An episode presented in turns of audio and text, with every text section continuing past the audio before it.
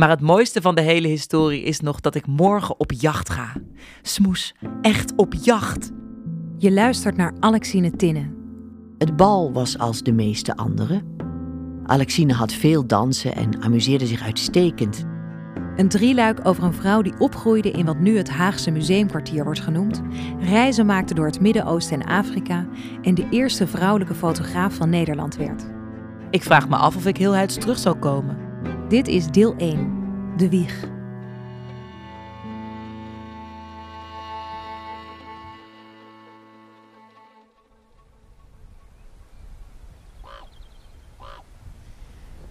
Ik sta hier voor een uh, familiegraf. Ik zal een beetje lezen wat erop staat. Philip Frederik Tinne en zijn echtgenoot Henrietta Maria Luisa. En zij kregen een dochter, Alexandrina Petronella Francina Tinne. Geboren in Schravenhagen, 17 oktober 1835, te Berjoek, in Land der Tuareg in Noord-Afrika. Den 1 augustus 1869 is omgekomen en begraven. Nou, dat is niet een tekst die je op een doorsnee graf in Den Haag tegenkomt.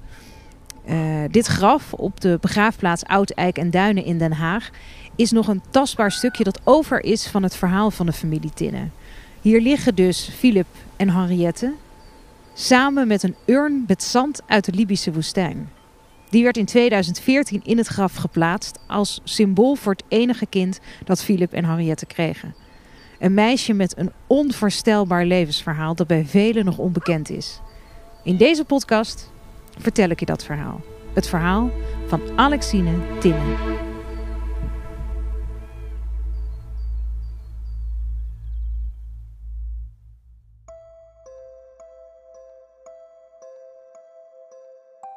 Op 17 oktober 1835 werd ze geboren.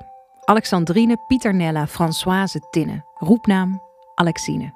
Aan de Herengracht 17 in Den Haag kwam ze ter wereld. Haar ouders Philip en Henriette waren daar vier jaar eerder als vers getrouwd stel gaan wonen. Maar lang heeft Alexine er niet gewoond. In het jaar na haar geboorte verhuisde het gezin Tinne naar een nog statiger huis aan het Lange Voorhout. Voornamer dan daar kon je haast niet wonen in Den Haag. Uit wat voor familie kwam de kleine Alexine?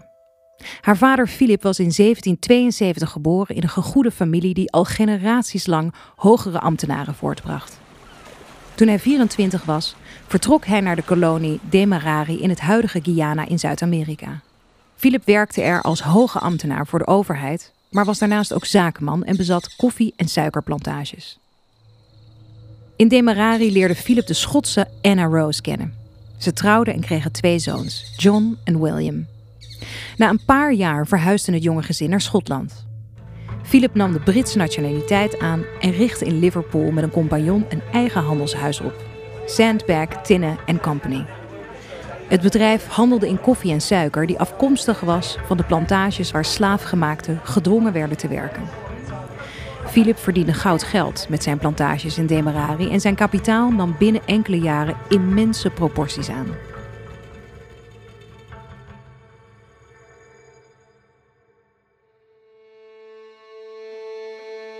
Nadat zijn vrouw in 1827 stierf, keerde Philip Tinne terug naar Den Haag. Zijn zoons bleven achter in Liverpool. John nam de zaken over. Al snel ontmoette Philip in Den Haag een nieuwe liefde. En daar komt Alexines moeder in beeld. Henriette van Capelle heette ze. Toen ze trouwden was Philip tegen de 60, Henriette midden 30. Ze kwam uit een adellijke familie die veel aan het hof te vinden was. Als hofdame was Henriette goed bevriend met Sophie, de echtgenote van de latere koning Willem III. Vijf jaar na het huwelijk van Henriette en Philip werd hun enige kind geboren, Alexine Tinne. Geen broertjes of zusjes dus, maar Alexine zou wel een goede band krijgen met John, haar oudere halfbroer. Ze bezocht hem vaak in zijn landhuis onder Liverpool en ze schreven elkaar veel. John trad op als haar zaakbehartiger, belegde haar geld en gaf zijn halfzusje regelmatig advies. Toen Alexine opgroeide was Den Haag nog vrij klein. In de 17e eeuw was er een gracht rond de stad aangelegd waarbinnen het Haagse leven zich afspeelde. Rijk en arm waren strikt gescheiden. Wat Den Haag bijzonder maakte was de aanwezigheid van de regering en het koninklijk huis. En daarmee van veel adellijke families, bestuurders, hovelingen, hoge militairen, ambtenaren, juristen en diplomaten.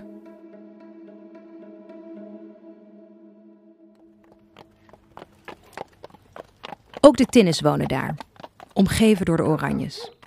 Als Alexine uit het raam aan de lange voorhout keek, zag ze links het paleis van prins Hendrik, een zoon van koning Willem II. Nu vind je daar Museum Escher. Aan de overkant stond het huis van de dochter van de koning, prinses Sophie. En in de bocht van de Kneuterdijk het paleis van koning Willem II zelf.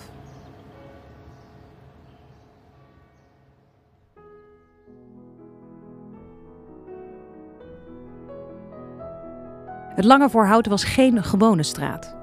Het straalde rust en deftigheid uit en doet dat nog steeds. Als je er nu komt, loop je langs dezelfde prachtige gevels als in de tijd van Alexine.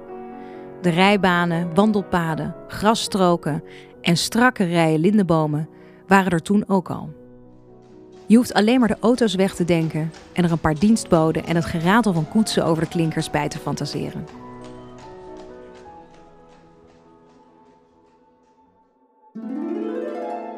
Ook het huis waar de familie Tinnen woonde op nummer 32 is tot op de dag van vandaag nauwelijks veranderd.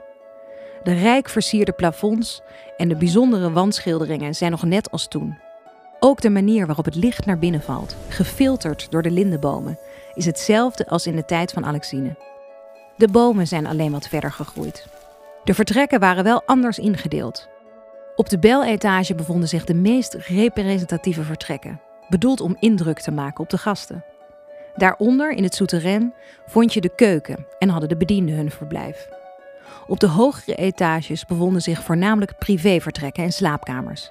Achter het huis lag een grote tuin met iets verderop twee koetshuizen waar rijtuigen werden gestald. In het huis was het een drukte van je welste. Voor de familie Tinnen werkte onder meer een huisbediende, een kinderjuffrouw, meerdere dienstmeisjes, een koetsier, een stalknecht, enig tuinpersoneel en twee kameniers, Flore en Anna.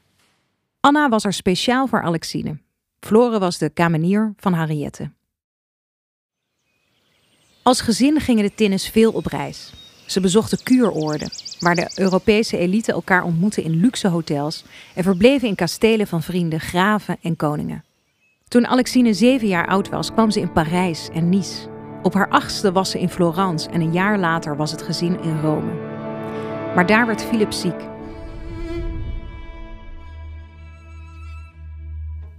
Hij hoopte weer op krachten te komen in het Belgische Spa, maar overleed daar. Alexine was nog geen tien jaar oud.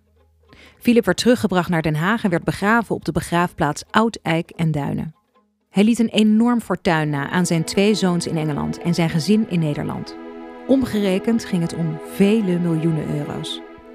Dankzij die erfenis werden Henriette en Alexine Tinne twee van de rijkste inwoners van Den Haag.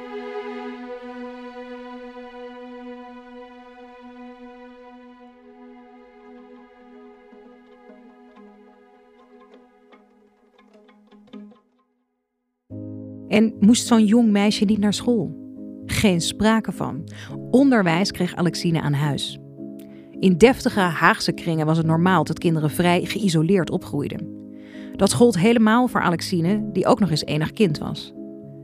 Als meisje werd ze opgeleid tot toekomstige echtgenote die het luxe huishouden moest besturen en leiding moest geven aan het personeel.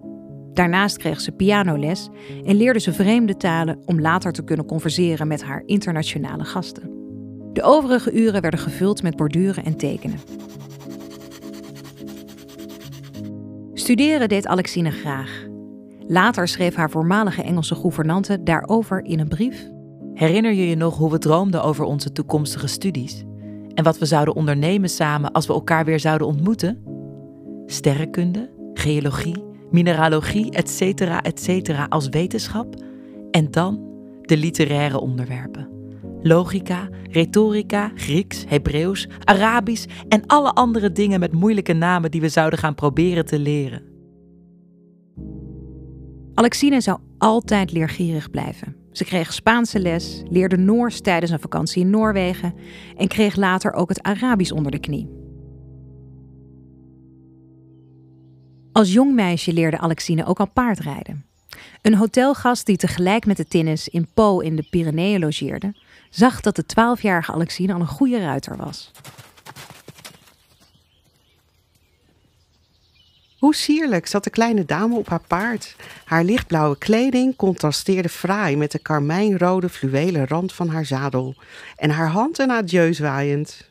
Bij paardrijden hoorde speciale rijkleding met hoed. Alexine schreef daarover aan haar nichtje en hartsvriendin Jetty. En we hebben tot zeven uur in de avond zonder ophouden door de stad gedraafd. Ik heb een onbeschrijfelijke hoeveelheid boodschappen gedaan. En alleen aan jou wil ik bekennen hoeveel rijhoeden ik wel gekocht heb. Ik heb er 16 gekocht. Ik bezit nu groene, zwarte, witte hoeden en hoeden met vossenstaarten. Ook heb ik een gevlamde met fazantenveren en een met Spaanse papegaaienveren. Ze vervolgde aan die ze vaak Smoes noemde. Maar het mooiste van de hele historie is nog dat ik morgen op jacht ga. Smoes, echt op jacht. Met wel 100 à 200 jagers in rode jassen. En ik zal over alles wat er op mijn weg komt heen moeten springen. Zoals op die Engelse jachtprenten, die mij daar altijd naar doen verlangen. Ik vraag me af of ik heel huids terug zal komen. Alexine genoot van het chique leven in Den Haag. In het huis aan de Lange Voorhout was het een komen en gaan van bezoekers. Iedereen is welkom, als ze maar gezellig zijn, vond Henriette. Ook gingen moeder en dochter regelmatig naar de Koninklijke Schouwburg om de hoek en ze werden vaak uitgenodigd voor een bal. De Oranjes waren gek op verkleden en organiseerden verschillende feesten op Paleis Noordeinde. Alle salons werden feestelijk versierd en er kwamen ruim 500 gasten uitgedost in de mooiste jurken en bijzondere kostuums. Ridders, oosterlingen, edelen, nonnen en harlekijns.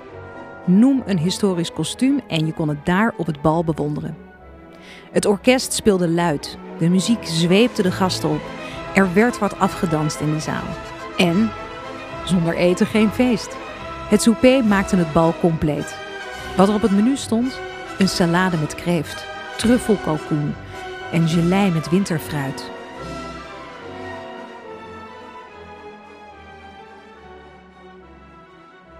Alexine heeft heel wat partijen verslonden. Haar eerste bal was in Parijs. Haar moeder vond haar er eigenlijk nog te jong voor. Ze was toen 16 jaar oud. Maar men had nogal aangedrongen dat moeder en dochter zouden komen. Henriette schreef later in haar dagboek dat Alexine niet danste, omdat ze dacht dat ze dat niet kon. Maar ze zag er zo lief en jong uit dat iedereen haar ten dans vroeg. Later informeerden verschillende gasten bij Henriette of haar dochter al huwbaar was. Alexine hoorde het aan en zei alleen: Ik neem aan dat ik niet verplicht ben om te trouwen. Op latere feesten voelde Alexine zich steeds meer thuis. En ze bleef tot in de late uurtjes. Over een dansavond bij de koninklijke familie in Kopenhagen schreef Henriette: Het bal was als de meeste anderen. Alexine had veel dansen en amuseerde zich uitstekend, net als ik, omdat ik veel vrienden kende. En er was een souper, zodat de tijd snel leek te verstrijken, terwijl we toch pas om drie uur thuis waren. De aanbidders bleven komen. De Griekse prins Jean Karadja componeerde zelfs een lied voor haar. Maar Alexine ging niet op hun verzoeken in. Tot ze op haar twintigste verliefd werd op de Duitse graaf Adolf von Königsmark, luitenant in het Pruisische leger. De vonk sloeg over tijdens een bal in Dresden. Het leek een ideale match, maar Adolf bleek nogal opvliegend te zijn. Na twee jaar verbrak Alexine de relatie. Jaren later, na lange reizen door Afrika, schreef Alexine aan Jetty: Ik kan je wel zeggen dat mij een rilling van genoegen over de rug loopt als ik denk aan de huwelijken waar ik aan ontkomen ben. En als ik dingen heb die mij hinderen, die lastig zijn, zoals iedereen die wel heeft, dan doe ik mijn ogen dicht en stel mij voor dat ik getrouwd zou zijn. En als ik dan daarna bedenk dat het niet waar is, dan is dat een troost voor mij. En zeg ik tegen mezelf: Goddank, ik ben tenminste vrij. Want vrij zijn, dat is wat Alexine wilde. Ze hield van het Haagse chique leven en ging er helemaal in op, maar was ook met andere dingen bezig. Ze stond bekend om haar wild tastes, zoals ze het zelf noemde. Bij ontvangsten aan het hof verscheen ze vaak op het allerlaatste moment in zelfontworpen gewaden en opvallende hoeden. Eens schreef ze Jetty: Chersmoes, ik ben vanmorgen in een woeste stemming. Ik heb een brede Arabische centuur omgedaan en ik voel me helemaal een kind van de woestijn. Ze ondertekende de brief met: Reine de Palmyre. Koningin van Palmyra, Syrië. Alexine droomde over onbekende gebieden. In een terugblik op haar jeugd schreef ze: Van mijn kindsheid af, toen ik de aardrijkskunde leerde, verlangde ik altijd naar die plaatsen te gaan, welke op het midden van de kaart van Afrika door een grote ledige ruimte worden aangeduid. Heel haar jeugd haalde ze boeken bij de Koninklijke Bibliotheek, die ook aan de lange voorhout zat. Uitgestrekt lag ze op de vloer tussen de landkaarten. Ze verslond boeken met tekeningen en prenten en verslagen van ontdekkingsreizigers als James Bruce over zijn zoektocht naar de Nijl. En de boeken over Lady Hester Stanhope, die Engeland verruilde voor het Midden-Oosten en nooit meer terugkeerde. Na de reizen die ze in haar jeugd met haar ouders maakte, begon het te kriebelen. Alexine wilde de wijde wereld in. En die kans kreeg ze dankzij haar vader. Halfbroer John had het geld van de erfenis slim belegd, waardoor Alexines erfdeel enorm was gegroeid. En wat te doen met al dat geld? De koffers pakken, de wijde wereld in.